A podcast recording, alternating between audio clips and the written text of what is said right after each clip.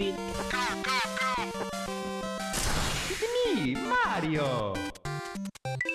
Control, alt delete.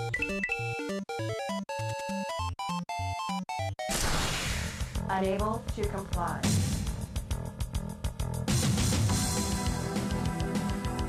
Unit under attack. Auto shutdown. Sequence in progress. Ready to serve, my lord.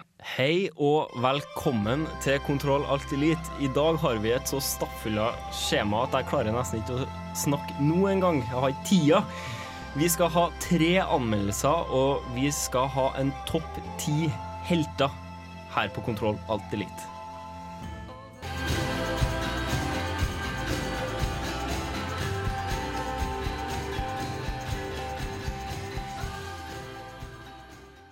Der fikk vi High As A Kite med Indian Summer. Hei og velkommen til Kontroll Alltid Litt. Jeg heter Hallgeir Buhaug, og med meg i studio har jeg med meg Erik. God dag, god dag. Jeg har med meg Tor.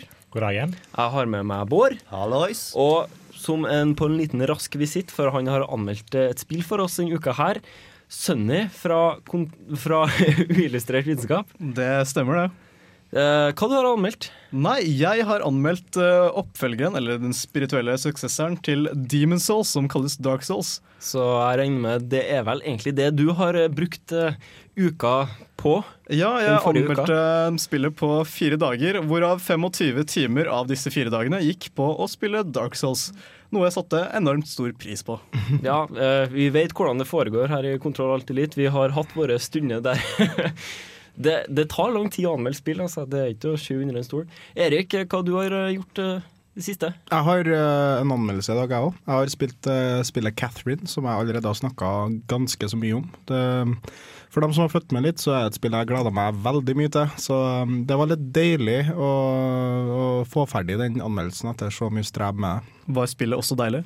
Ja, det var det. Det var et nydelig, nydelig spill. Du har vært veldig gira på det. Du har prata mye om det. og Ja, eh, det, det er en kuriositet i en ellers ganske bland spillhverdag spillhverdag som uh, piqued my in interest, som de sier på engelsk. Mer om det senere, altså. Tor, hva har du bedrevet uka med? Nei, jeg har fortsatt å spille Starcraft 2.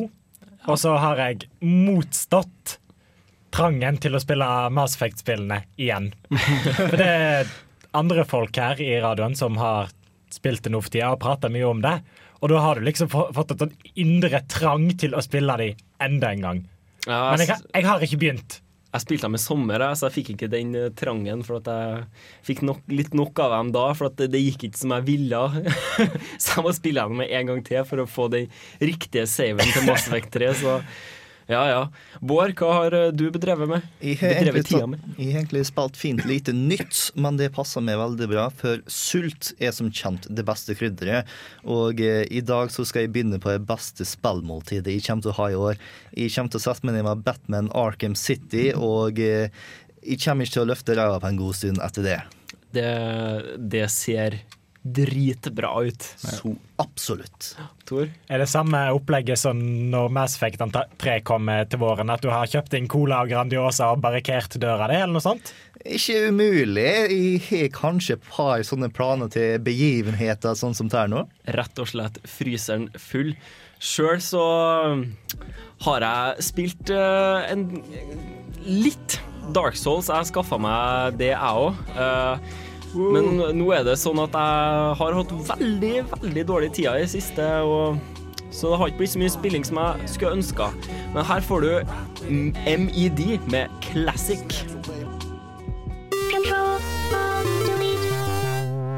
Ja, der var vi tilbake. Eh, nå skal vi ha nyheter, og inn døra kommer Bård. Han hadde en rask tur ut på gangen. Vår nyhetsanker, Bård Restad. Så eh, hva har du å dele med oss, Bård? Eh, vel, det, vi har vært litt opptatt i dag, så jeg har ikke fått sjekka mesteparten av nyheten. Men jeg vet i hvert fall at Vita har fått releasedaten sin. Eh, hvor lang tid er det til vi kan ta og sitte og spille med hendene våre, eller vel, som jeg alltid sier, men i hendene våre? Det er f 22. februar er det til Europa øh, og USA. Eh, I Japan så får de den vel allerede til desember, og mm, var det ikke noen her som nevnte uh, i en tidligere sending at den skulle bli regionfri. Eh, jo, jeg gjør det. Eh, det skal den. Så egentlig kan du bestille den fra Japan og få den med en gang. Det kommer litt an på om den har japanske meny eller ikke. For hvis den har japansk meny, så er det litt sånn tippe seg frem. Da er det bare Mikkel som får noe ut av den.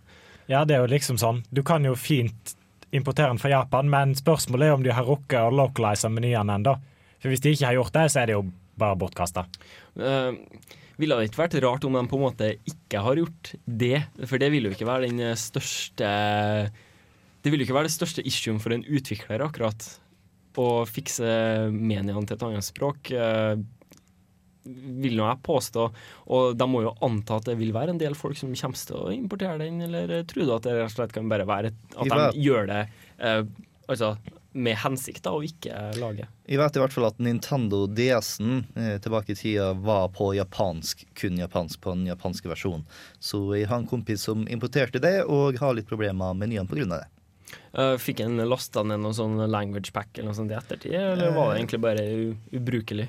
Jeg tror han tok og kjøpte seg en eh, eh, europeisk DS før han gjorde noe sånt som terne. Ja, videre har vi noe mer. Vel, eh, forrige uke så tok vi og snakka om hvordan Betesta og Minecraft-folka tok og krang- Mayong. Hmm? Mayong. Mojang. Yes. Mojang. Oh, ja. Mojang. Excuse me. de, de krangla over ta ordet scroll, og nå har rettssalen bestemt seg for at eh, svenskene skal få lov til å bruke ordet scroll. Scrolls. Scrolls, ja. Scrolls. Eh, Bethesda kommer selvfølgelig til å anke, men eh, siden de tapte første gangen, så er det ikke så stor tro på at de kommer til å vinne igjen. Det Bethesda egentlig kan gjøre, det er jo bare anke Mojang til døde. For Bethesda har masse penger i ryggen. De har ikke Mojang. Og rettssaker og advokater er dritdyrt. Så de kan egentlig bare anke opp videre oppover systemet til Mojang ikke har penger til å kjøre saken videre. Vent da, Sa du at Mojang ikke hadde penger? Ja, den stusser jeg jo litt på. Uh, Mojang er, begynner å akkumulere ganske så mye spenn. Nå må Ja. jeg bare ta påpeke at alt er relativt. Mojang har masse penger. Bethesda har sjukt masse penger. Ja. Sånne patent lawsuits i USA kan fort koste i overkant av 100 millioner dollar i saksomkostninger og advokater og styr. Uansett så virker det på meg som at Bethesda bare skulle ha godtatt og tatt en KX3-duell i stedet. Ja. Ja. Ja, videre har vi mer. Eh, Erik tok og sendte en liten artig link om EA i Norge. Kunne du Ja. gå litt nærmere inn på den? Eh, Det hele starta vel med at eh, NRK boikotta Battlefield 3. Fordi at eh, det Battlefield 3 har gjort nå, utviklerne bak det, at de har sendt rundt en spørreundersøkelse til alle ut større anmeldere av, eh, av Battlefield 3.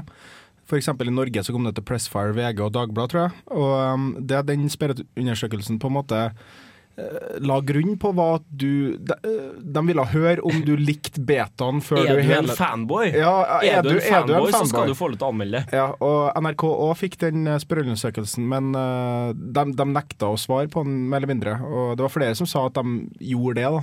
At de nekta på det, men Nei, men jeg må presisere én ting. Det var ikke utvikleren som sendte det ut, det var utgiveren. Det var altså EA Ja. og ikke Dice. Ja, det var EA, ikke Dice. Ja. Uh, for at, uh, og nå har det blitt en større sak dere om uh, Altså om dette er presseetisk, rett og slett. Eller at kan man gjøre sånt som utgiver? og hvordan skal man reagere når man gjør det? Jeg syns at NRK gjør det veldig bra med å Eller da, det blir vel hovedsakelig Filmpolitiet. Gjør det veldig bra med å ikke anmelde det spillet her. For at det er helt feil av EA å holde på sånn som de gjør. Eh, Det skal være opp til kritikerne å kritisere spillet og ikke bestemmes Du skal ikke klare å håndplukke kritikerne dine, rett og slett. Det var sånn at de faktisk ble basert på svaret på testen, eller var det bare det at de ville ha en test først for å ta få tilbakemelding? Jeg tror at de skulle basere hvem de sendte spillet på, nei til, basert på testen. Eh, Det er jo ingen som har svart på den testen, og hvem som skulle få spillet, var vel allerede bestemt. Uansett da, så tror jeg også det er viktig å presisere at dette er i Norge. da. Ja. Eh, det var vel ikke noen sånn verdensomfattende spørreundersøkelse. Det var i Norge som eh, sendte ut dette her til Pressfire og Gamer.no og GameReactor, var det vel. Ja, det kan Ja. godt hende. Eh, Eh, det virka sånn. Ja, men vi har vel eh, nok nyheter for nå. Eh, vi skal høre på en ny låt. Det er Møll med Straumen. Hello? Look! Hey, listen! Der var vi tilbake, og nå, Sønne, har du altså anmeldt eh, Dark Souls for oss. Det stemmer. Det var et utfordrende spill, syns den i hvert fall er. Uh, ja, det er et veldig vanskelig spill som også er veldig vanskelig. Sa jeg at det var vanskelig? Vi kan bare sette i gang anmeldelsen og høre hvor vanskelig det faktisk var. Only in the ancient legends it is stated Ved tidenes morgengry var det dragene som hersket over verden. Men deres drakoniske herredømme måtte si seg tapt mot fire sterke individer. Siden denne hendelsen har noen av menneskene blitt forbannet med mørke ringer. De som bærer disse, er dømt til å leve for alltid. Dette er din skjebne. Japans From Software har gått på storoffensiven mot casualiseringen av dataspill. Territoriet de går etter å ta, er deg. Men lykkes de med dette gjennom Dark Souls? Om du allerede har hatt gleden av å utforske Boletaria i det kritikerroste Demon Souls, lurer du sikkert på om det er verdt å kjøpe en kopi av Dark Souls. Jeg skal ikke spare på godsakene, så her er min beskjed til dere. Løp og kjøp. For deg som aldri har følt avhengigheten av verken månegress eller terpentin, er dette et spill for deg? Spillet er et tredjeperson action-adventure satt i en mørk fantasy-setting, og gameplayet er litt som Ocarina of Time på crack, uten puzzles. Spillet har RPG-elementer, noe som er positivt for nerdegutter som meg selv. Du kan nemlig utvikle karakteren din til alt fra å bære tunge rustninger og gigantiske sverd, til å håndtere buer og magiske staver. Tross dette er Dark Souls på ingen måte et RPG-spill. Dette er et actionspill med kontroller som responderer i nøytrinofart. I tillegg kan spillet skryte på seg innovative flerspillermekanismer, fantastisk karakterdesign og en nøye planlagt spilleverden. En av de beste aspektene med spillet er at jo lengre du spiller, jo mer begynner karakteren din å ligne monstrene du selv kjemper imot. I andre spill føler du at du har som oppgave å kjempe imot spilleverdenen, men her føles det mer som om du er en del av den. En trend som har blitt vanliggjort i dagens storspill, er at utviklerne i størst mulig grad skal slenge spillehistorien i ansiktet ditt. Det er nesten slik at fortellerteknikker i spill har blitt viktigere enn selve spillet. Dark Souls velger heller å skjule historien for deg. Om du vil vite mer om verdenen du tar del i, må du jobbe for det. Men hvordan klarer gameplayet til Dark Souls å skille seg ut fra andre action-adventure-spill som God of War og Darksiders?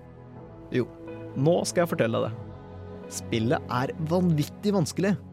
Det belønner god tålmodighet og gode observasjonsevner, og straffer bortimot alt annet.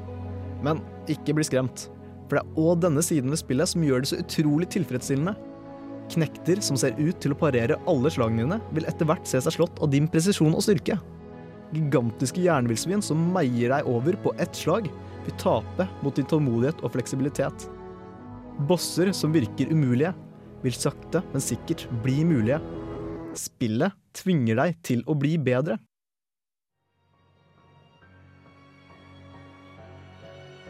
Men ikke alt er fryd og gammen i Dark Souls.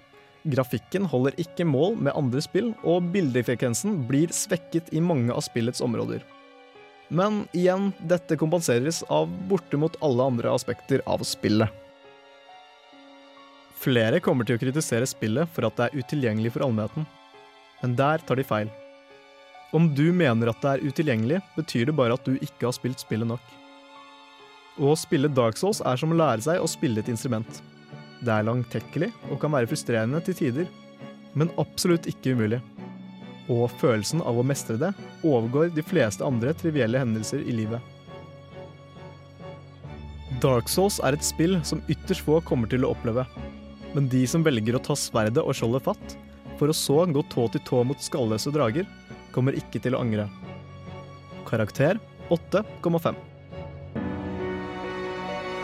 How you doing? This is uh, Sahara Drek, uh, StarCraft commentator. I have not talked to a woman in over a decade, and you are listening to Control Alt Delete. Der fikk vi Efia med Cigarette, og før det så hørte vi Sunny sin anmeldelse av Dark Souls. Og Sunny, det var altså et veldig vanskelig spill. Det var det. Veldig, veldig veldig vanskelig. Herregud, altså. Jeg har dødd så vanvittig mange ganger. Det, I løpet av én time så dør du jo mer i dette spillet enn du gjør I til Mega sammen. Nei, kanskje ikke Megaman. Nei, ikke- ikke det er sånn cirka like masse, så bare Men det er veldig annerledes enn Megaman. Uh, på den måten hvordan faktisk du dør. Det er ikke sånn eh, Det er ikke like cheesy, på en måte. Nei, altså i, i Dark Souls så er det sånn at eh, du setter deg ved et leirbål, og hvis du så dør etter dette leirbålet, så respawner du på leirbålet. I likhet med alle fiendene. Ja. uh, men hvorfor heter det Dark Souls? Uh, morsomt at du spør, fordi de hadde to andre navneforslag, uh, deriblant Dark Ring. Og Dark Ring på britisk betyr så mye som rumpehull. Det er, så forståelig at de ikke brukte det. Eh, japanerne, som er veldig gode i English, de tenkte også å bruke navnet Dark Race. Jeg skjønner ikke helt hvorfor ikke det slo gjennom. Nei, uh, Hvorfor ikke Dark Race Undead Fighter Simulator 5000? Ja, men eh, ja, det er ganske forståelig hvorfor de valgte Dark Souls. Også så ligner det også på Demon's Souls, så folk skjønner Mm. at det her er oppfølgeren. Mm, men hvordan skiller det seg fra Demon's Souls, da? Det, det ligner jo Ja, det, det er derfor jeg holdt tilbake på karakteren. Jeg ville gitt en 9 eller en 9,5 også, hvis det hadde vært litt annerledes. Men uh, modellene og, og animasjonene er jo omtrent prikk like. Men uh, forskjellen er jo at uh, verden er veldig mye mer åpen. For dere som har spilt Demon Souls, så er det leveler. Mens her så har du heller eh, en stor verden med en sentral hub. I tillegg så er ikke Magic, oh my god, what the fuck, BBQ overpowered lenger. Noe jeg setter litt pris på. Jeg syns Magic er litt kult, ja, men ja. ja. Eh, men eh, når du spilte gjennom spillet, hva var det på en måte som festa seg mest eh, en opplevelse? Nei, altså Det er ikke mange spill som setter igjen et fingeravtrykk i, min eh, hukommelse, da. Men Capra-demonen, som er fjerde eller femte demon, avhengig av eh, hvordan du velger å fullføre spillet, han eh, døde jeg 22 ganger på. Og grunnen til at jeg vet at, han døde, at jeg døde 22 ganger på han, er fordi at eh, på vei til Capra-demonen så kjøpte jeg meg alltid to ildpiler, fordi jeg fikk nok experience til å kjøpe meg det. Og etter jeg var ferdig med Capra Demon, så hadde jeg 44 ildpiller. eh, og det som var morsomt, er at eh, jeg bor sammen med to gutter som ikke er så veldig glad i spill. Og de satt tilfeldigvis i stua og så meg ta Capra Demonen for 22. gang. Og da hylte de og klappa etter jeg tok han, og det, det var en liten opplevelse. Det sier litt om hvordan sånne spill liksom eh, har noe å si for oss. Eh, men nå må vi nesten gå videre til neste anmeldelse her. Eh, Erik, du har anmeldt Catherine. Det har jeg. Du, Jeg tror vi bare setter i gang og hører på den. Gjør det. Where the hell is this place? Sorry. Wish I knew. One thing's for certain, though. If we don't run, we're going to be killed. Killed? If you see this place once, it's all over. You'll keep coming back every night. Noen ganger dukker det opp noe som er så ulikt alt annet at man bare etter å ha sett eller hørt bruddstykker av det, blir veldig interessert. Sånn ble det for meg og Catherine.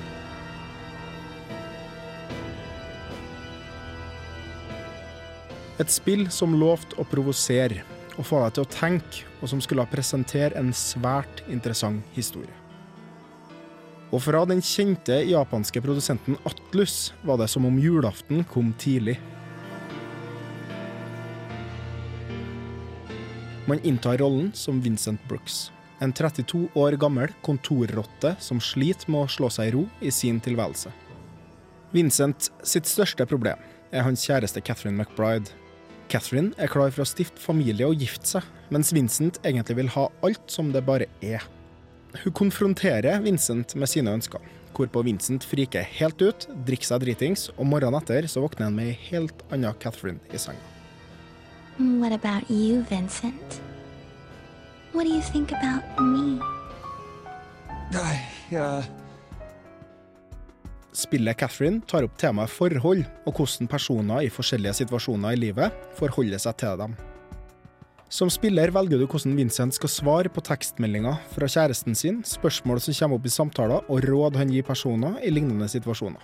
De svarene bestemmer om du heller deg mer mot den ene eller den andre Catherine. Eller kanskje en mellomting. Du vil også bli stilt spørsmål til deg som spiller, som ofte også kan være vanskelig å svare på, da det rett og slett ikke finnes noe riktig svar.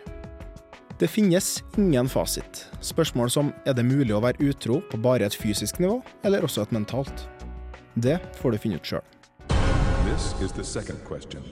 If you could choose a life of standing out from the crowd or fitting in, which would you choose? Hvis man virkelig vil henge en sjangerlapp på Catherine, blir det nok et puzzlespill. For etter det skjebnesvangre kvelden hvor Vincent treffer Catherine, begynner han å få forferdelige mareritt.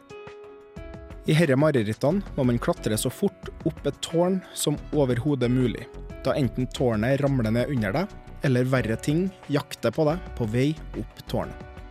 For å nå toppen av tårnet må man dytte og trekke og hoppe opp blokker på kreative måter. Og man får virkelig den gamle 'bare én gang til'-følelsen etter man har dødd. Det er på ingen måte bare én løsning på her segmentene, og man belønnes for sin kreativitet så mye som hurtighet. Spillet presenterer også ideen om at om man dør i en drøm, så dør man i virkeligheten. Noe som videre blir understreka da menn i samme alder og situasjon som Vincent plutselig begynner å dø i søvne. Herre klatringa oppover og bort fra både død og monster virker som en nydelig metafor på situasjonen Vincent befinner seg i. Man føler virkelig med hovedpersonen, samtidig som man føler seg sjøl dust for å gjøre det. Spillet presenteres gjennom en nydelig, nesten selvshada grafikk og enkelte animerte tegneseriescener. Selv om hele spillet på mange måter framstilles som japansk, er det nødvendigvis ikke det. Atlus har satt historien til Chicago, og mye av det man opplever av kultur i spillet, hinter mer om en vestlig enn østlig. Ansiktsuttrykk og enkelte ting man forbinder med Japan og anime, er der, men ikke veldig fremtredende. Catherine er en av de sjeldne spillene som ikke bare har 18-årsgrense pga. de visuelle virkemidlene så mye som innholdet. Marriage is just a tradition, right? Seriously, who wants to be tied down? Atlus markedsførte kanskje spillet til et litt yngre publikum, men med alle tankekorsene, situasjonene og symbolikken som blir framstilt, er det på alle måter et spill for et voksent publikum. Hvis du noen gang har latt ditt blikk vandre i et forhold, eller føler at ungdommen din slipper forbi, eller kanskje du rett og slett bare har sittet flerfoldige timer på dødfødt nachspiel og snakka med kompisene dine om alt og ingenting. Catherine vil du virkelig prøve. Uansett.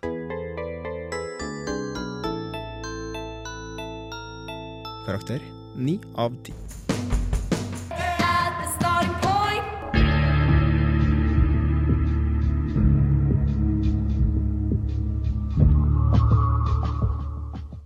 Og her er vi tilbake i Kontroll alltid litt på Radio Revolt. Vi hørte akkurat eh, Pelbo med en eller annen sang. Var det noen som fikk med seg hva den het? Join their game, er det ikke Ok, Join Their Game. De skal spille på uka 26. oktober, tror jeg det. Eh, og før det så hørte vi anmeldelsen av Erik om Catherine. Og apropos vanskelige spill, Catherine er ikke så verst, det heller. Nei, vet du, eh, det er ikke tilgivende. Eh, de, had, de sa at de, eh, de nekta å skru ned vanskelighetsgraden på den amerikanske releasen. Fordi at Det har de gjort med andre japanske spill, men de måtte faktisk patche det japanske spillet når det kom ut i Japan. Og det er den versjonen vi har fått, for at eh, Japan klagde på at dette var altfor vanskelig, på en måte. Og det er utrolig vanskelig. Selv om det er forskjellige måter du kan komme deg opp til tårnet på, så er de ikke kanskje så veldig obvious, da. Og eh, du får deg sånne triks utover som du kan liksom Du lærer av andre som klatrer opp til tårnet. Men eh, å huske på alle de triksene og lure måtene å komme seg oppover tårnet, det er klin umulig, og noen ganger så er det så jævlig, og du dør masse fordi at du gjør den samme feilen om og om og om og om igjen. Og hver gang du dør, så står det i stor skrift 'Love is over', og du ligger der død over noen klosser sammen med andre randomme sauer. Så det, det, du- får det virkelig inn, da. Men eh, jeg bare lurer, for nå har vi jo på en måte snakka om Dark Souls her, og så kaster jeg Megaman ut i lufta her. For jeg føler det er, det er, sånn, det er to forskjellige typer vanskelighetsgrader. Det er vanskelig fordi at du har plutselig en ting som kan drepe deg. Uh, ja, til dels. Og, og så, altså, jeg snakker Ja, ikke ja, ja, om Catherine her, og ja, så ja. har du en vanskelighetsgrad som er Det er bare styggvanskelig fordi du er for dårlig. Ja, nei, herre er, herre er vanskelig fordi at jeg ikke er god i puzzlespill, og fordi at jeg kanskje ikke tenker på den mest logiske måten. Ikke sant? Men det er sånn at du faktisk klarer å bli bedre. Ja, det gjør jeg. Ja, det er veldig fint. Uh, nå har vi fått uh, Are med oss inn i studio. Hei, hei. Og du i den siste uka har vel spilt en del Heroes? Ja, litt annen type puzzle, eh, strategi, krigingstype spill enn Catherine, eh, vil jeg tro. Ja, litt annerledes. Men eh, det er jo nummer seks i rekka. Ja, og de har jo skifta på navnet her. Ja, ja, ja. Might and Magic Heroes. Um, Ja, men- All for a brand name, liksom. ja, ja, ja. Det er Might and Magic som skal brandes. så det er um, all for the money, all for the, Men the det har vel kanskje noe med at de hadde de ikke tenkt å komme ut med Mind Magic RPG om ikke så altfor Det kommer en god del Might Magic-spill, eh, så det jeg måtte brande det, ja. Det stemmer. det. Ja. Men eh, da setter vi i gang og hører på den òg. It all went wrong the day our father, the Duke of Griffin, died. Irina was sold to a cruel lord, Sandor, forced into exile, and Kirill lost his soul. Father's death was not an accident. Anastasia, our beloved sister, stabbed him in the heart. I am the Duke now. Det er oftere og oftere at jeg kan starte en anmeldelse ved å mimre tilbake et tiår. Spill som Fifa, Football Manager, Age of Empires og Megaman er alle spill hvor jeg lett kunne starte helanmeldelsen med.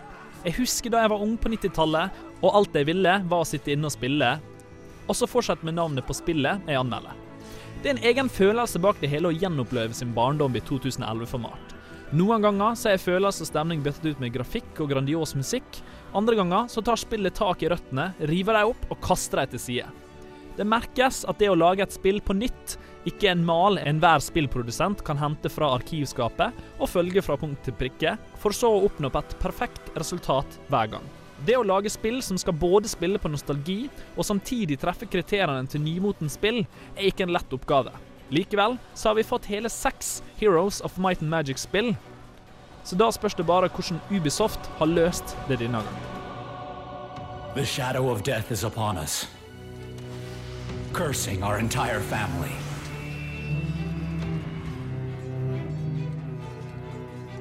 Pitting brother against sister.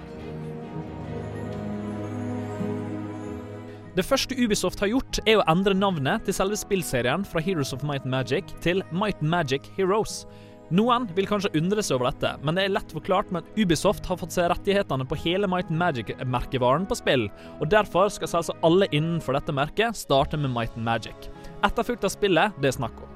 Jeg, som alle andre, stusser selvsagt over det å røske vekk navn med en gang, men det har selvsagt ingen effekt på min opplevelse av spillet.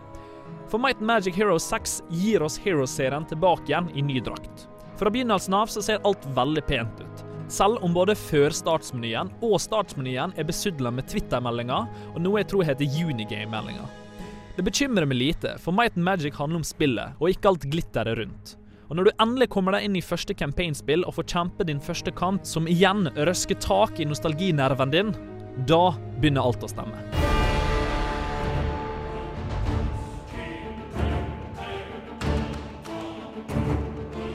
Is upon us. Its first victim, Slava Pavlov of the Griffin. My father was a just and caring duke. You have served your emperor and your dragon. Might and Magic 6 er et Heroes of Might and Magic-spill i beste klasse. Grafikken er fin, gameplay er robust og byr på mye nytt i gammel stil, og stemningen ligger faktisk til rette. Jeg har ærlig talt sjelden brydd meg om historien til Heroes-serien. Den har på en måte bare alltids vært til stede. Denne gangen derimot så har skaperen Black Hole Entertainment bestemt seg for at historien skal være spennende og involverende, og jeg merker at det biter på. Musikken, grafikken og det meste av stemmeskuespillet sitter som et skudd. Det kan merkes at spillet hører hjemme i spillserien, og at man bare sitter igjen med et stort smil etter å ha prøvd seg litt rundt.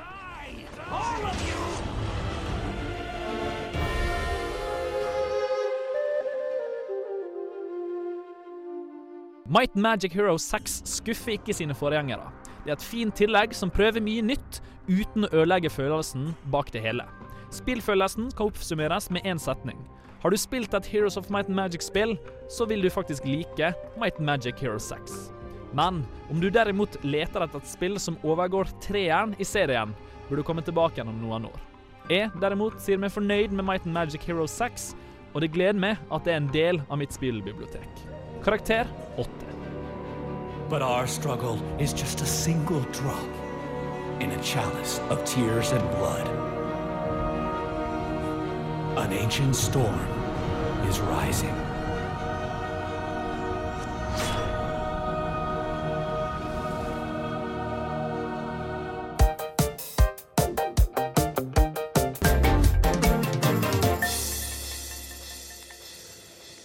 Og det var Mongolian Jetset med Bella Lené, og alle i studio står og danser. Det er god stemning her i Kontroll Alt Elite.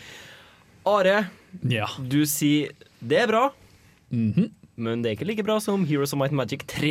Nei, eh, det må være vanskelig å ha en sånn eh, Obelix av eh, et spill i sin spillserie, og hele tida bli sammenligna med den. Som sagt, det er bedre enn både femma, eh, altså Heroes eh, 6 er bedre enn femma. Eh, måler seg med fire. Eh, to, en av toa syns jeg blir litt feigt å sammenligne med, fordi de er før trea, som Jeg tross synes- alt er milepælen. Jeg syns toeren var veldig bra. Syns du fireren var bedre enn femmeren? Nei, altså det, nei, femmeren. Nei, nei, nei, nei. Jeg sier sekseren var bedre enn femmeren, og kanskje like god som fireren. Ja, men, men eh, Syns du fireren var bedre enn femmeren, da? eh, ja, det gjør ja, ok, jeg liker femmeren bedre enn fireren. Men der har vi litt sånn, det er smak og behag. Eh, Dette spillet her eh, river ikke vekk den følelsen. Det er fremdeles for noen smak og behag. Og jeg tenker meg av de nye kidsa, som faktisk aldri kanskje har prøvd Heroes 3, vil nok foretrekke dette spillet her, pga. grafikk, musikk osv. Som en av de nye kidsa som aldri har prøvd i Heroes før, hvorfor er treeren så fantastisk bra som du vil ha det til? Der eh, som jeg begynner jo hele anmeldelsen min med å si at det er vanskelig å anmelde et spill ut ifra når nostalgieffekten ligger så kraftig til. Eh, For, for oss som har spilt Heroes 3, så ligger jo det er sikkert en god del nostalgi der. Men det var et så gjennomført og så gøy spill. Et spill du kunne bruke evigheter på å spille eh, når det kom ut. Eh, Jeg ser ikke for meg at jeg bruker like lang tid på Heroes 6, faktisk. Altså Heroes 1, Heroes 2, Heroes 3, Heroes 4, Heroes 5 og sannsynligvis Heroes 6.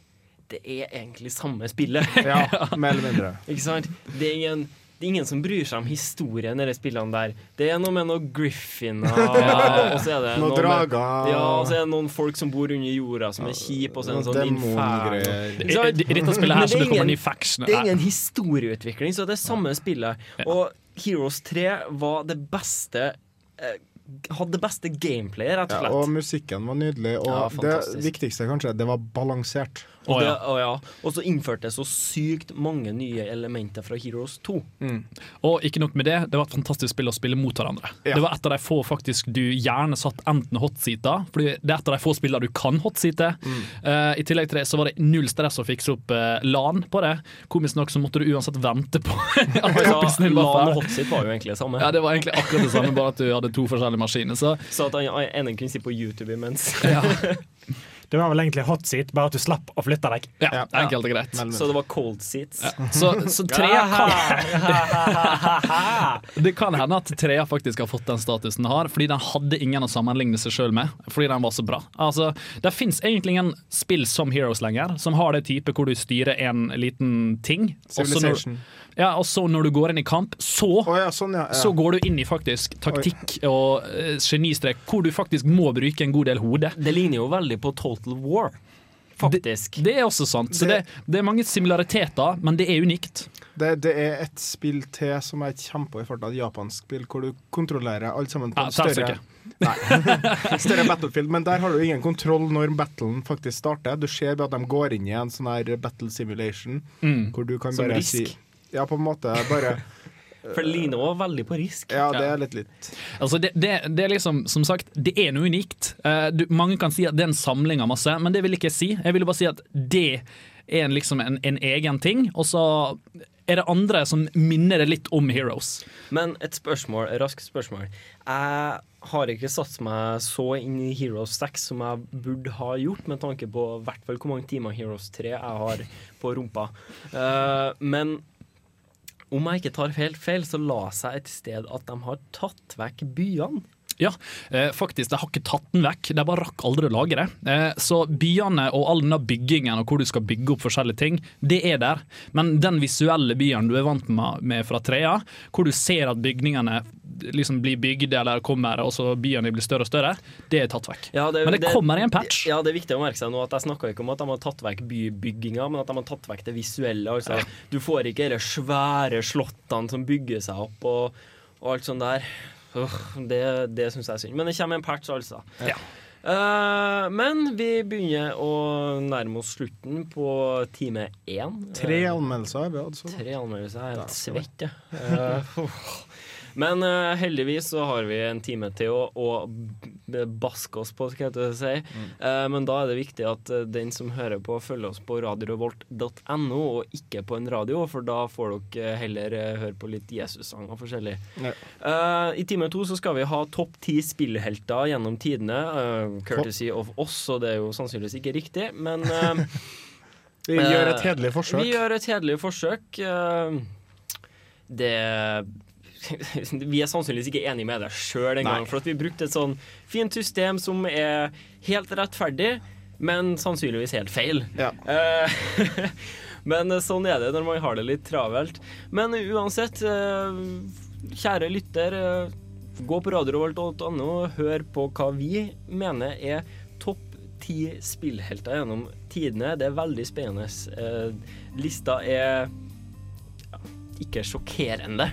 Nei, men den er, den er, den er morsom, og det, du, du kommer til å kose deg med den uansett, tror jeg. Definitivt. Så hør på oss i en time til. På radiorevolt.no. På radiorevolt.no.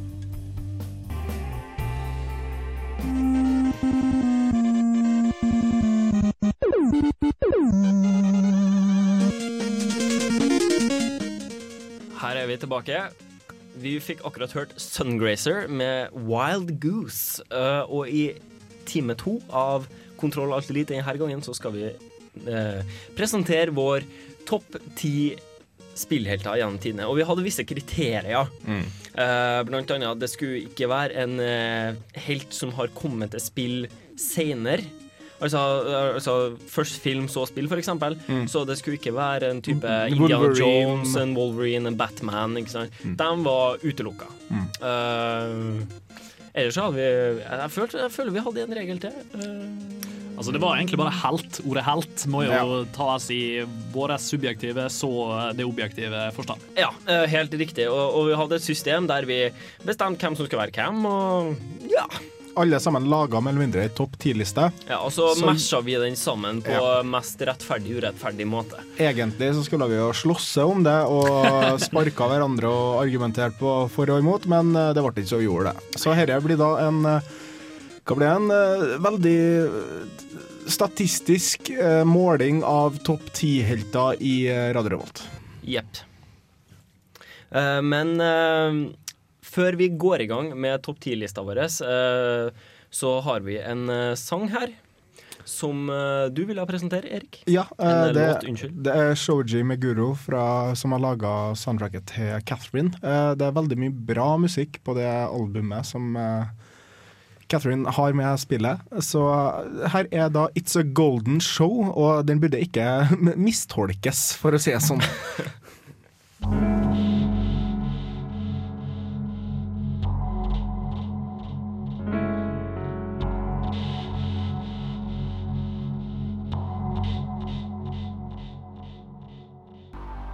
10. Phoenix Wright fra Ace Attorney.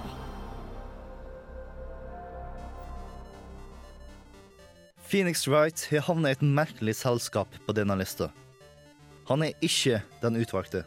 Han har aldri dratt ut på fantastiske reiser, og han kunne trolig blitt lagt i bakken av en tropp med speiderjenter. Men han hører allikevel hjemme på denne lista. For hvor de andre slåss med sverd og skytevåpen, så er hans arsenal bevismateriale og logikk. Hvor de andre kjemper imot monstre og terrorister, så er hans motstandere falske vitner og aggressive aktorer. Og hvor de andre redder prinsesser og universet, så kjemper Phoenix for sine klienters frihet og sannheten om deres uskyld. For han er Phoenix Wright, førsteklasses forsvarsadvokat, og han vil aldri hvile før sannheten har kommet fram. Han er kanskje langt ifra førstevalget når verden trengs å reddes, men i rettssalen er det ingen høyere på list. Phoenix Wright Objection! No objections here. Oh god, I, uh, jeg får ikke lov til å si noe. OK, Phoenix Wright. Bård, Uh, du var en stor forkjemper for at eh, Phoenix Wright skulle ha ham på lista. Hvorfor det? Fordi at Phoenix Wright er en uh, superhelt i uh, spillverden som ikke tar og er helt av eh, vold eller noe sånt som tar nå. Han, han beskytta sannheten. Han het veldig klart og enkelt mål som folk burde egentlig ta og leve opp til. Det er å beskytte de som ikke eh, burde ta og straffes, og straffe de virkelig skyldige. Jeg vil si agreed til Bård der, men jeg vil si at grunnen til at han havnet så langt nede på lista mi, da, er fordi at uh, han får hele tiden hjelp. Han må alltid ha noen som sier at 'yo, Phoenix, it's okay'.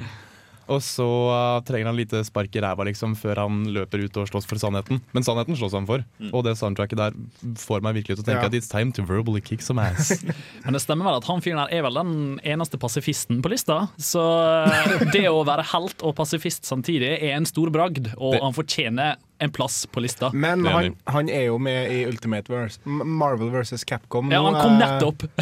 han, han kommer, eh, og, eh, så da blir han jo ikke Han er i hvert fall ikke en Han slåss ikke med vilje på en måte i det spillet heller, men Og, og vi har en som er en slags pasifist med på lista.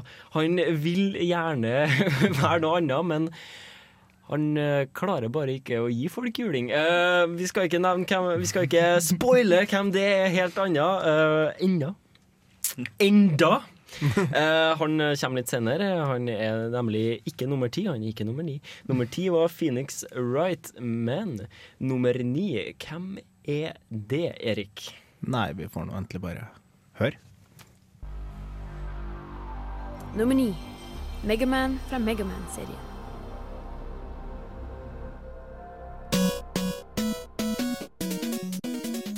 Mitt førstevalg, men dessverre nummer ni på lista. Mest sannsynlig siden resten av Kontroll Elite er dysta. Megaman har hatt rollen som helt og hovedperson i 29 spill. Vært med og hatt store roller i 19 andre i Megaman-universet. Og hvem andre på herre lista kan skryte på seg å gi Magneto, Wolverine og fuckings Hulken en på nesa i Marvel vs. Capcom? Herre unge androiden er tross sin alder en av de eldste på lista. Han har også definitivt det største arsenalet på lista. Når det kommer til heltedåder, kan man bare nevne mekaniske drager, Dr. Wiley, Dr. Kane, Sigma og mange andre forferdelige antagonister. Alle sammen slått av en megabuster to the face. Når Dr. Light bygde Megaman, skulle han egentlig fungere som en labassistent. Men når han så potensialet til Megaman, skjønte han at talentet var bortkasta.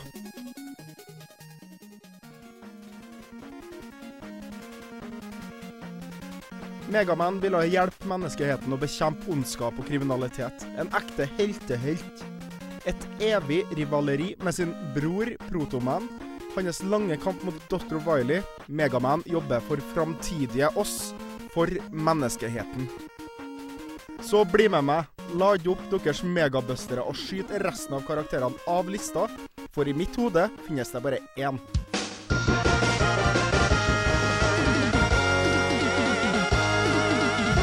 Megaman!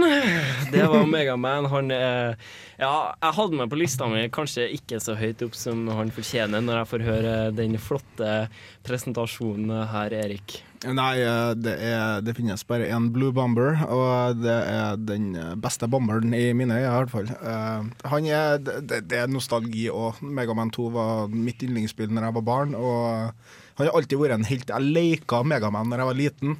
Jeg for liksom tok på ting, og så ble jeg det elementet. For eksempel hvis jeg holdt i et gresstrå, så var jeg Grassman og kunne skyte gress. og, eh, Jeg var veldig teatralsk da jeg var barn.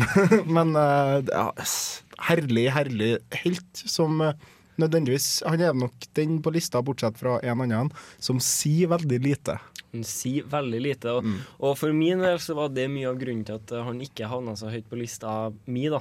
Eh, Han var med, og, og det må jo sies da at han faktisk at han i hele tatt er med på topp 10-liste. Eh, Det er jo faktisk veldig svært. Det, det er veldig mange store spillfigurer som ikke ble med på lista vår. Mm. Eh, apropos det. Vi kan spoile det at Mario er ikke på lista vår. uh, og jeg, jeg, jeg for på Spaceworld i dag, og jeg var veldig glad for at vi ikke tok med Mario, for at det har kommet et nytt DS-spill som heter Princess Peach, og der er Princess Peach som redder Mario. Objection!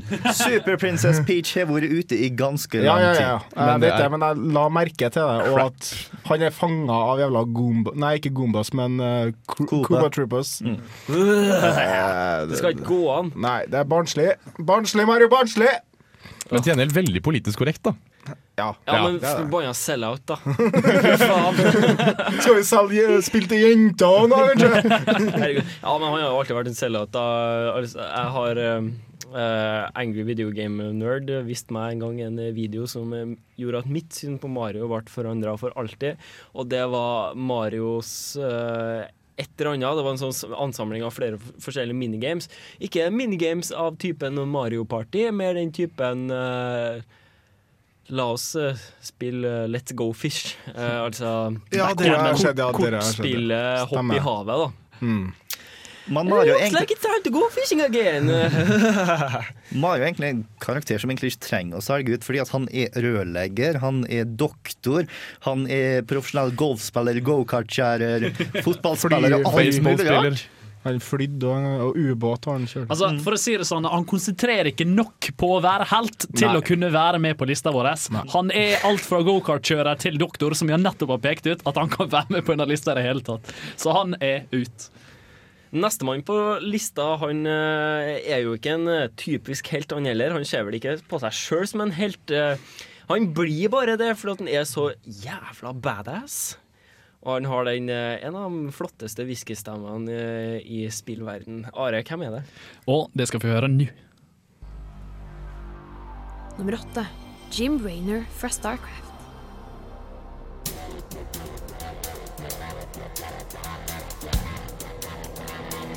Hva er det å si om Jim Raynor som han ikke allerede har vist med sin total Zerg-slakting? Jim begynte faktisk som en bonde i sine første 18 år av livet, og ble så hentet inn en major fordi han hadde så grundig banket opp en av hans soldater. Derifra så er historien om Jim lengre enn de fleste fabler som inkluderer to store kriger, flere små kriger, rebellion, kolonibefrielser, koloniredning, artefaktsamler og ikke minst zergdreper. Det er vel kanskje for innsatsen i den sistnevnte at Jim enkelt fortjener en plass på denne listen. Om du ikke tror på oss, så er det bare å finne et bilde av en Zerg, og se for deg sjøl drepe dem med en sigar i munnviken, et smil om munnen, og helt sikkert en munter Zerg-drepesang nynne fra bak armoren din. Shotgun. Surg. You. I got a serg and a shotgun. This and is I'm Jimmy. bringing it home to you. Ja, Det- det var det- den du det er tenkte på. riktig. Det var den du tenkte på. Det var akkurat den jeg tenkte på. Han, eh, altså, Jim Raynor han er liksom, han blir hele tida dytta inn i statusen av å være helt. Jeg føler at Han er ikke fyren som faktisk løper ut og bare sånn For freedom! uh, Justice! Han er mer typen som har Fucking sergs! Again! Fucking sergs! Han er mer den typen som blir litt sånn Ja, han gjør det som må gjøres. Jeg vil, se, jeg vil se for meg at Jim Raynor har en litt sånn misantropisk pliktfølelse. Den. Det er ingen andre som kan gjøre jobben like bra som han, så han får like gjerne gjøre det sjæl.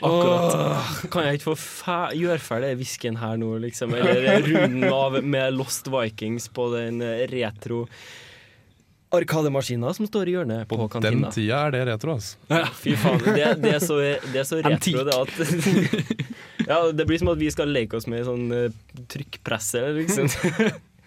Eller noe i den døren.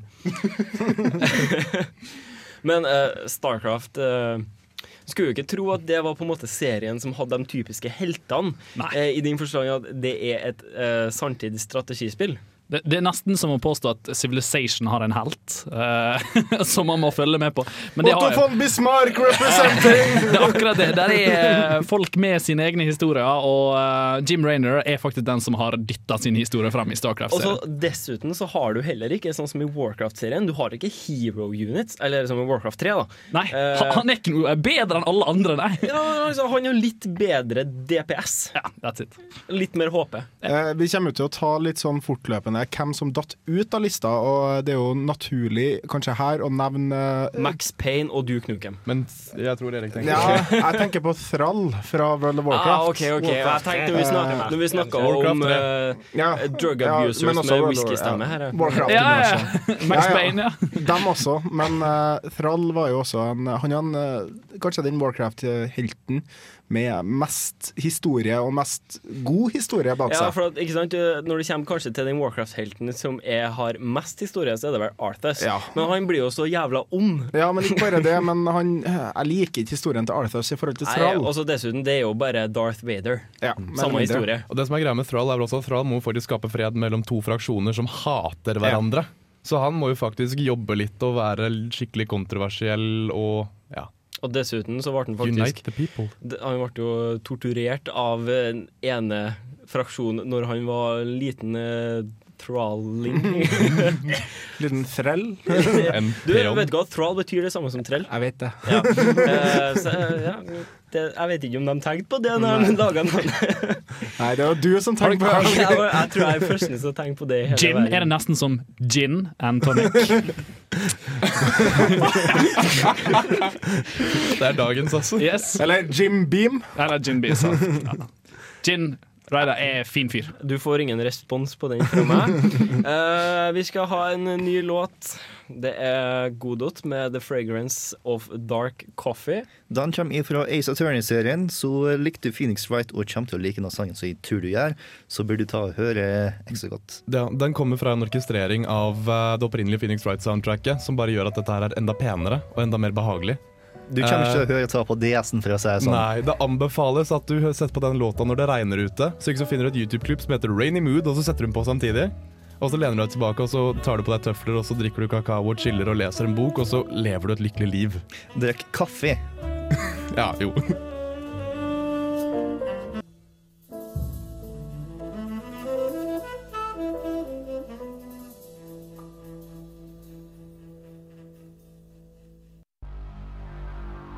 Nummer syv. Master Chief fra Halo.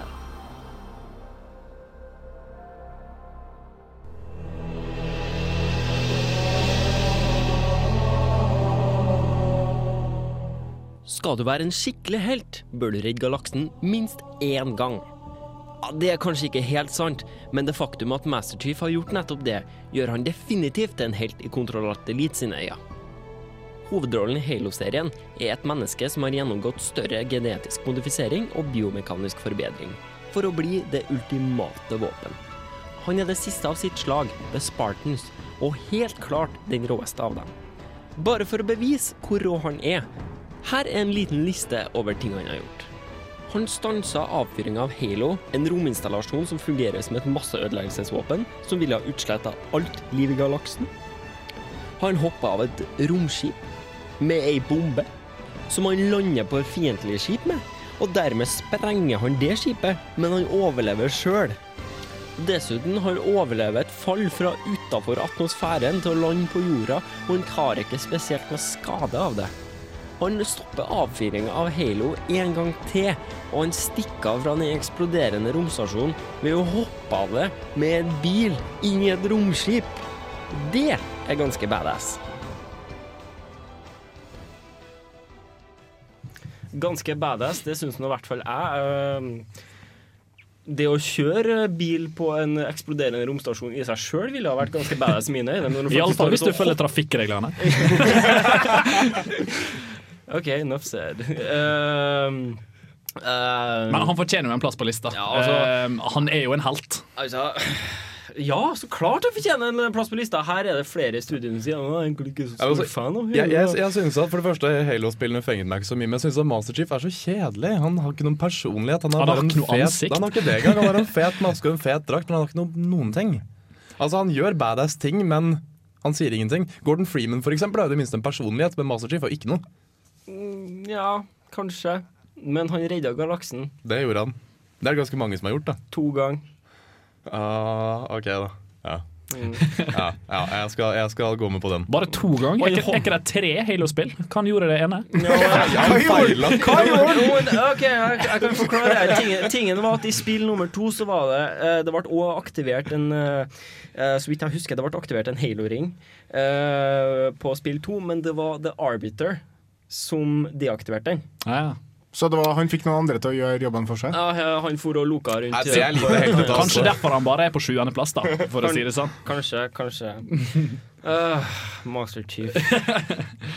Hvem er det som Hvor én med? Megaman. Nei, men altså eh, Ja, men det, det var et godt argument, for han er jo egentlig bare en nymotens Megaman. Ja, En, Megaman. en, en mann av metall som driver og løper rundt og driver og dreper enhver ting, og uh, redder universet mot uh, ting som uh, Kan like godt kunne vært roboter. Kan Master Chief skyte bier ut av armene sine, kanskje? Kan det? Skal jeg stå her og forsvare Master Chief? Det var ikke bare Eh, jeg som you hadde? Det er ikke bare jeg som har lyst til det. Jeg, jeg, jeg tror Master Chief kanskje blir en person vi elsker å hate, eh, men det er ikke å ta under et teppe at han faktisk fortjener en god plass på en av Ja, Han er en helt, altså. Uh, han er det, og, og spesielt når du ser uh, hvor, hvor stor uh, respekt de andre soldatene har for han. Og, og han er tross alt den siste av, av sitt slag. Han er den beste av sitt slag. Jeg syns han er en god helt. Men nå må vi gå videre. Are, du har et nytt helteportrett for oss her. Yes, og det får du høre her. Nummer seks. Wonder fra Shadow of the Colossus. Det er uten tvil at Wonder, den stille protagonisten fra Shadow of the Colossus, får en plass på denne lista. Og argumentene for det er veldig mange. Wonder har ingen særlig forhistorie å belage seg på, men i hans korte karriere som helt beviser han seg gang på gang som en verdig deltaker. Alt Wonder vil, er å kurere sin prinsesse fra en forbannelse som har sendt henne inn i en dyp og dødelig søvn. Wonder får nemlig beskjed fra en tokjønna stemme om å gå ut og slakte 16 gigantiske steinbeist, hvor ingen av dem er særlig glad for å se ham. Ikke nok med det, for hver koloss du dreper, jo mer vil du begynne å bli som en demon. Wonder er den typen helt som sier lite, men vet hva som må gjøres. Selv om en av tingene som gjøres, er å ofre seg sjøl. I tillegg til det så har han den kuleste hesten i spillriket, som i en lengre periode blir veldig knytta til, for så å miste han ned et stup. Wander er helten av alle helter når det kommer til det ultimate offer. Nemlig det å miste den kule hesten sin. Og det står jeg for. Men igjen så kommer vi til tilbake til, til det med Mario. ikke sant? For at Mario ofrer jo Yoshi gang etter gang. Så han jo, altså, det går fra å gjøre et ultimate sacrifice til at du bare ikke bryr deg om det. dyret Mario får hele tiden en ny en. Ja, men altså, som jeg sier, han bryr seg jo ikke. Nei, Mario er nei, det er akkurat det. Han bryr ikke seg. Han Wonder han snur og begynner å gråte. Han er bare sånn Nå, gråt! Altså, Mario er en sånn pimp-ass player som bare I will get a new one. It's okay. Fuck the Yoshis. Nå må jeg faktisk ta og si noe her nå. Til tross for at Ja, han dør ikke, hesten. Yes. Nei, nei, nei. Til tross for at jeg tok og anmeldte Shadow of Colossus og ga en 9,5, så mener jeg at Wonder ikke hører hjemme på denne lista her nå. Han er en veldig interessant protagonist, men helt Nei. Han tenker å drepe 16 uskyldige kolossuser bare pga. ei dame. Og han stjeler ting og drar på plasser han ikke skulle fare. Hun er jævlig fin, da. Det er sant. Ja, dame, det er det. But it's legit. Men, men det, det, det som eh, også skal legge merke til, er at for hver kolossus han dreper, jo mer og mer begynner han å, å få sånne demonfakta. Eh, og eh, han får, begynner jo å gro horn og hele pakka. Og han har jo lagt merke til det, men han gir jo blaffen. Han skal jo ut og redde Mono. Og da har jeg lyst til å ta og halvsitere halvsitere nisjelytterne. Når du tar og kjemper imot monster, så må du passe sjøl for å ikke bli et monster sjøl. Når du stirrer inn i avgrunnen, så stirrer avgrunnen tilbake deg sjøl. Og det er wonder i et nøtteskall. Men kanskje da vi kommer tilbake på det som vi snakka om i stad, du var kanskje ikke den første som tenkte det, du heller. Kanskje. ja, ja. Ikke for det, jeg syns det var en veldig god Nietzsche er aldri feil. Jo, men uh... Han er litt dyster. Eh, skal vi gå videre? La oss gå videre. neste neste helt. Nummer fem. Guybrush Streetwood fra Monkey Island.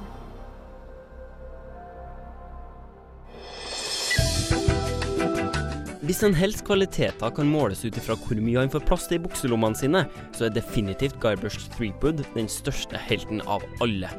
Dessverre for vår alles favorittpirat er det andre kriterier vi har lagt til grunn, så hovedpersonen i Monkey Island-serien havner i stedet på en hederlig femteplass. For han har fortsatt andre egenskaper. Han er ekstremt veltalen, han er ekspert på karibisk sverdfekting, og han kan dessuten holde pusten i ti minutter. I motsetning til andre helter er Guybrush en ganske enkel sjel. Ambisjonene hans ligger mer i det lende at han ønsker å bli en respektert pirat og få leve livet med kjæresten sin alene uten å bli plaga av spøkelses-zombie-demonpiraten LeChuck. Oh no, it's LeChuck! Noe som er lettere sagt enn gjort, da LeChuck er hodestups forelska i Elaine, og gjør alt i sin makt for at hun skal bli hans onde brud. Eat flaming death, Threepwood! Han sliter til og med med å bli en respektert pirat. Uansett hva han gjør, blir han aldri kjent igjen, noe som gir stakkars Guybrush et aldri så lite mindreverdighetskompleks. I'm Guybrush Threepwood, mighty pirate, yada yada yada. Og det er veldig ufortjent. Vi snakker tross alt om en pirat som nesten helt alene har bekjempa LeChuck mange ganger, har overlevd blodtørstige kannibaler og spøkelser, og som er den beste sverdkjempen i Karibien. Det er ekte heltemateriale, det. Og vi må heller ikke glemme han har faktisk svært imponerende plass i lommene sine. Masse plass det har han, det kan jeg skrive under på. George Stobart til Broken Sword har også masse plass i lommene sine. Han var på lista mi. Ja, nei? Han var det. Nice. Åh, takk, der stjal du poenget mitt. Er du, Unnskyld. Er du, er du fornøyd, nå? Eh, jeg synes, uh, Når det kommer til Guybrush, så syns jeg spesielt måten han slåss med sverd på, er meget imponerende. Eh, en av uh, grunnene til at jeg ble med i radioen, det var for at uh, Mikkel var så snill at han stilte meg et uh, spørsmål. Da Han var nemlig en av dem som intervjua meg når jeg var på jobbintervjuet, og da spurte han Hvis jeg spør deg Every enemy I met, I've annihilated. Og da svarte jeg Mikkel. Oi, oh, shit. Uh. Å, flaut! Det er flaut, altså! jo, jo, with your breath, I guess you'll suffocated. Ja, OK, greit. Det var nesten der the pupil had become the master. Det var OK. Eh, nå kan vi nesten ta og avsløre at her nå er den kvasipasifistiske helten vi snakka om tidligere. Ja, helt klart, for jeg tror ikke Garbers Threepwood klarer å banke opp ei, eh, en katt. Altså, han eh, Ja, Girl Scouts. Han bør passe. De fleste heltene på denne lista her nå er egentlig sånn eh, veldig amerikansk gung-ho, shoot stuff and stuff. Mens eh, Treepwood vil jeg nesten ta og kalle en norsk helt, for han er på mange måter en moderne Askeladden. Ja, Askeladden. Ja. Mm. Så det jeg har brukt mange mange timer på å forestille meg et Askeladden point and click-spill, så er det det. Men Ja. I am stum. Copyrighted bitches! vi, uh, vi har mer musikk. Vi har mer Eh. Herre sangen, for å i hele tatt klare å spille den, så måtte jeg ta og legge meg ganske tynt på hva som teller som spillmusikk eller ikke. Uh, her er da Madeon, som er en fransk DJ bare 17 år gammel, som har laga en live mashup av uh, forskjellige 90-tallssanger. Grunnen til at jeg har den med nå, er fordi at uh, i en video som ligger på YouTube, uh, så kan du finne uh, Keith Apicary, som er fra eh, Talking Classics. Eller som, Nathan Barnett. som han egentlig Nathan heter. Barnett, som han egentlig heter. Han danser da til musikken til Madeon. Og eh, jeg syns bare det er en veldig ålreit og kul sang som, eh, som jeg har fått litt dilla på. Så Sjekk den ut. Vi kommer til å legge den uh, på Facebook etter sendinga. ja, Og da kan vi også legge, legge ved Talking Classic, som er en veldig artig serie.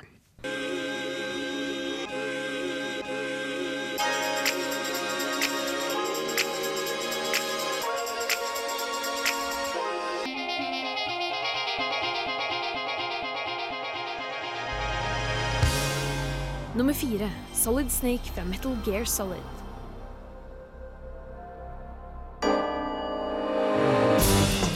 Solid og Naked Snake befinner seg på alle mine topp 10-lister, og han er alltid høyt oppe. Topp 10 barskeste stemmer, f.eks. Topp 10 gjennomførte karakterer. Eller topp 10 kvinner jeg hadde hatt sex med.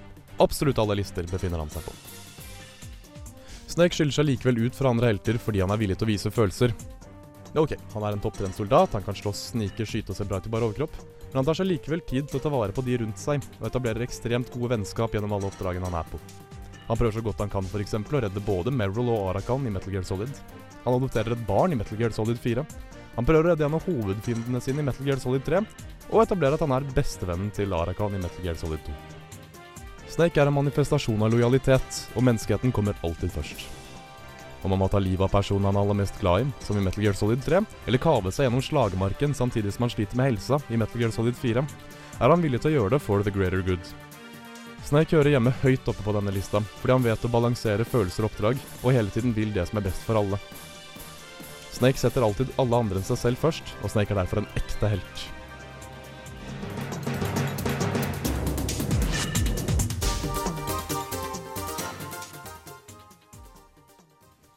Snake altså på plass nummer eh, fire. Altså Som dere kanskje har skjønt, så ville jeg rangert ham som nummer én, fordi han er min nummer én, virkelig. Altså Han er barsk og badass, han vet alltid hva han skal gjøre. Han holder hodet kaldt. Når hodet hans ikke er kaldt, så roer han seg ned og prioriterer ting ordentlig. Han er glad i folk, han viser at han er glad i folk. Han prioriterer mm, alle andre enn seg selv foran seg selv. Og det er jo definisjonen på en helt, syns jeg, da. Nå må jeg bare ta og påpeke noe her nå. Han gjorde fint lite i Metal Gear Solid 3, for i løpet av Metal Gear Solid 3 så var han ikke født engang. Nei, men altså, i, i, i så må vi snakke om både Solid Snake og Naked Snake som til del samme person, og det er rett og slett fordi at Solid Snake er jo basically en genetisk klone av Naked Snake. Så jeg, jeg tar inn Naked Snake her også. Han er kanskje en kone, men han er fortsatt sin egen person. Ja, Nok en men- stor del av Metal Gear Solid handler om, folkens! Ja. Nå, skal vi snakke, nå skal vi jo snakke om en del andre helter også som har en god del inkarnasjoner. Uh, så hvis du har lyst til å spille de her to forskjellige personer-kortet, så I dare you. Vi kan egentlig bare høre på neste. Nummer tre. Commander Shepard fra Mass Effect. Er du på jakt etter en skikkelig helt, så er det ikke mange som kommer over Commander Shepard. Shepard kan, som en ekte helt, bruke både våpen, veltalenhet og skitne triks for å få jobben gjort. Det er mye som hviler på Commander Shepherd sine skuldre. Som Spectre så har kommandøren òg mulighet til å ta i bruk alle de midler som trengs i kampen mot de som vil ødelegge galaksen. Kommando Shepard er det beste menneskeheten har å by på, og han er òg menneskehetens siste håp. For å sitere en sang You can fight like a Krogan, run like a leopard, but you'll never be better than Commander Shepard. This is not acceptable. Oh, my foot! You shot my foot! Og når vi skulle vise hvor usalvisk og flott uh, helt uh, Commander Shepard var, så tar vi med lydklippet der han skyter en kar i foten. Ja. Det passer jo egentlig ganske fint. Men Ja, ja. det er jo en helt som uh, Han er hva du gjør deg til. Ja, ikke sant? Og det, det på en måte understreker veldig godt hvem Commander Shepard er. Han kan være universets største snille fyr, eller eh, universets største Douche. Ja, Han er kanskje drittsekk, men han gjør det for det rette. Det, det finnes ikke en univers hvor han ikke redder. Men nå skal jeg selvfølgelig da være sykt cheesy og si det at betyr ikke det at Commander Shepard egentlig er oss selv, og at den største helten vår, i hvert fall den tredje Oha. på lista vår, er oss selv? Men det betyr jo i så fall at du har to som er bedre. Men det vil jeg kanskje si at det er nettopp Shepherd som får spilleren til å velge, ta valget om å bli helt sjøl. I alle andre så blir du litt sånn Du blir søtt inn i heltemodusen, og du må utføre oppgaver. Men i dette spillet her så får du et valg, og det valget kan være Du kan være en helt, og det er jo det nettopp Shepherd gjør. Det er helt riktig, men uh, nå tror jeg bare vi går rett til neste.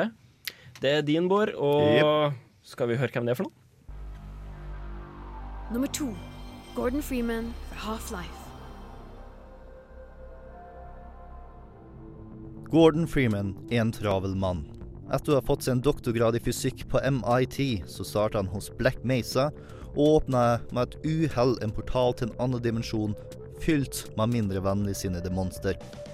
Freeman plukka like så godt opp det første brekkjernet han kom over, og slo og skjøt seg inn i dimensjonen og tilsynelatende stansa monsteret fra å komme seg til jordet. Han ble så hurtigfryst av den mystiske G-Man, bare for å bli henta fram flere år senere. The right man in the wrong place can make all the difference in the world. Når Gordon kom tilbake, så viste det seg at jorda ble invadert likevel, og er nå under et totaliert regime fra en annen dimensjon. Klager Gordon? Nei da.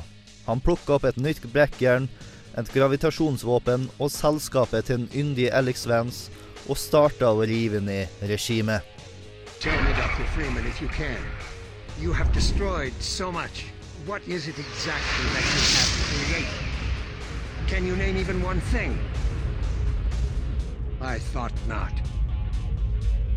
Gordon kom til en verden som har gitt opp, og ga det nytt håp og muligheten til å kjempe tilbake for friheten. Ikke verst for en stum teoretisk fysiker med 80-tallsbriller.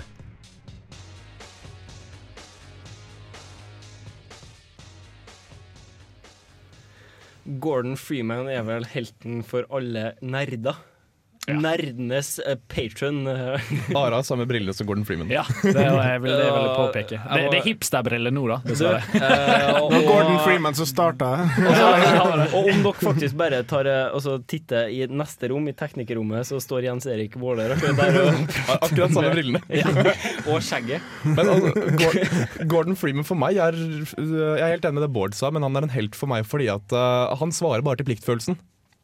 Altså I Black Mesa så skulle han egentlig bare dytte en tralle, og så plutselig så gikk ting til shit. Så han tenkte at well Gotta clean this up. Gotta kick them ass. Og det samme gjør han i Half-Life 2. Han bare dukker opp, og så well time to kick some ass again. Den.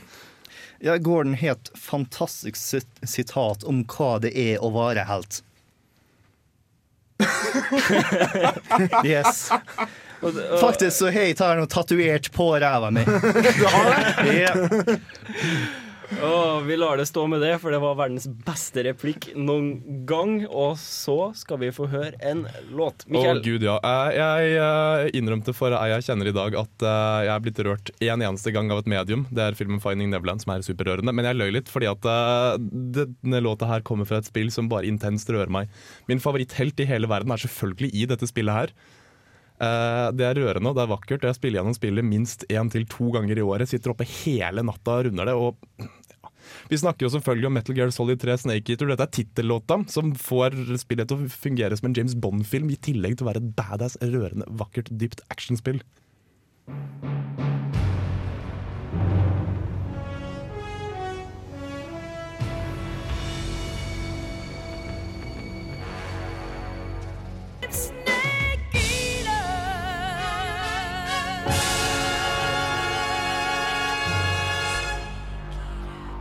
Nummer én Link fra The Legend of Zelda. vi har ikke forberedt noen sak til Link. Vi trenger ikke en sak. Nei, vi har ikke det. Han er selvforklarende. Ja. Men det som er litt interessant med Link, det er at ingen av oss hadde han øverst på sin liste. Han er ingen favoritt, men alle hadde han med ganske høyt. Ja, Jens Erik sier at eh, han var øverst på sin liste, men det teller ikke. Eh, Men, men, men tingen er vel at han er såpass vellikt at sammenlagt så var han vår sammenlagte helt, på en måte. Altså, Eh, ikke bare, han vant jo egentlig med ganske god margin. han ikke? Jeg, jeg tror ikke jeg hadde han på lista mi engang. jeg. Og likevel så eide han alle med poeng. Ja. Vi hadde et poengsystem som var logisk for oss, ja. og i det poengsystemet så var han på førsteplass med rundt 50-60 poeng, tror jeg. Ja, ikke så mange, Ja, ikke at han vant mange ikke, poeng, det, han hadde nesten 40, og neste hadde sånn rundt 30. Jeg husker ikke, men han hadde i hvert fall Han vant. Det jeg elsker med Link, er at eh, han er helt på en sånn skjebnebestemt måte. Han har The Triforce of Courage. Jeg mener, Det er en helteting. Han bare er helt på alle mulige måter. Han er lagd for å være helt. Han ble født for å være helt. Han ble bestemt for å være helt. Altså, jeg tror Link hadde vært det tristeste synet om det finnes noen sånn Ikke finanskrise, men sånn krisekrise. At der er ingen flere kriser som Link kan redde. Så han bare sitter hjemme og bare sånn oh, I was a hero once. Da har han én krise igjen, og det er 40-årskrisen. Ja, det er akkurat det. Gå rundt og, og være verdens beste helt. Det- det- det men han det har ingenting å redde. Ja, det- det må være en horribel tanke. Men han er den beste. Og han lever godt på å være gressklipper. Ja. det Han lever jævlig godt. Men så er det også noe med det at det Link gjør, han gjør alt sammen sjæl. Han får et våpen her, og så lærer han å bruke sverdet som du allerede kan bruke fra før av, men alt han gjør, det Han gjør det helt alene. Han er, Ja. han er alene om absolutt alt. Han har kanskje Pona litt Navi. her litt der, men, og Navi, som de fleste av oss bare driter i. Hvem det var som sa at Navi var til hjelp? Hey, sett targeting på Nintendo 64! Å ja, for det hadde ikke vi klart uten henne. Jeg, jeg, jeg tror ikke Det var vel mer et spillhjelpemiddel. Ja, Eller et- ja, ja, jeg altså, men, men sånn enn et faktisk hjelpemiddel for Link, for hvis du tenker litt sånn logisk på det her nå Han så nok den uh, Slemmingen, liksom. Ja, han gjorde det. Og Navy Taker forklarer det alle svake punkter på fiendene dine. Det hjelper veldig masse hvis du ikke har møtt de fiendene før. Det som også hjelper deg med å vinne over fienden, er den der blinkende tingen som er åpenbart du skal slå på. Eller øyne. Men altså, jeg skal innrømme, jeg, jeg syns Navisk burde ha skifta jobb fra eh, Link til uh, Wander. Fordi han eh, var ikke alltid like lett å finne disse svake punktene på disse kolossisene. Så hvis du bare har en sånn Hei! Under the foot! Eller Hei! fuckings helten i Dark Souls. Ja, han sliter kanskje litt. Nei, men eh, det er vel på tide å begynne å ramse opp noen eh, honorable mentions. Eh, for det var jo mange helter som eh, ikke ble med, eh, som kanskje har sin plass på lista.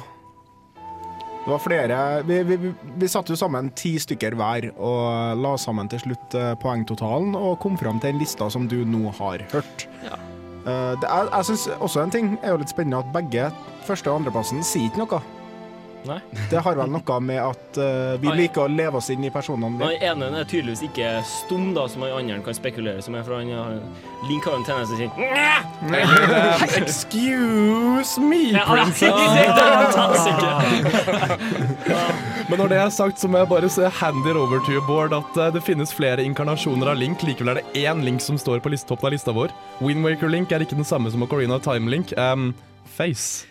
Inkarnasjon, vil jeg ta og si da. Det er samme sjela som tar og gjeng på nytt og på nytt gjennom historien for å ta og stanse ondskap. Du, du kan bli så metafysisk du bare vil, altså, men det er forskjellige karakterer.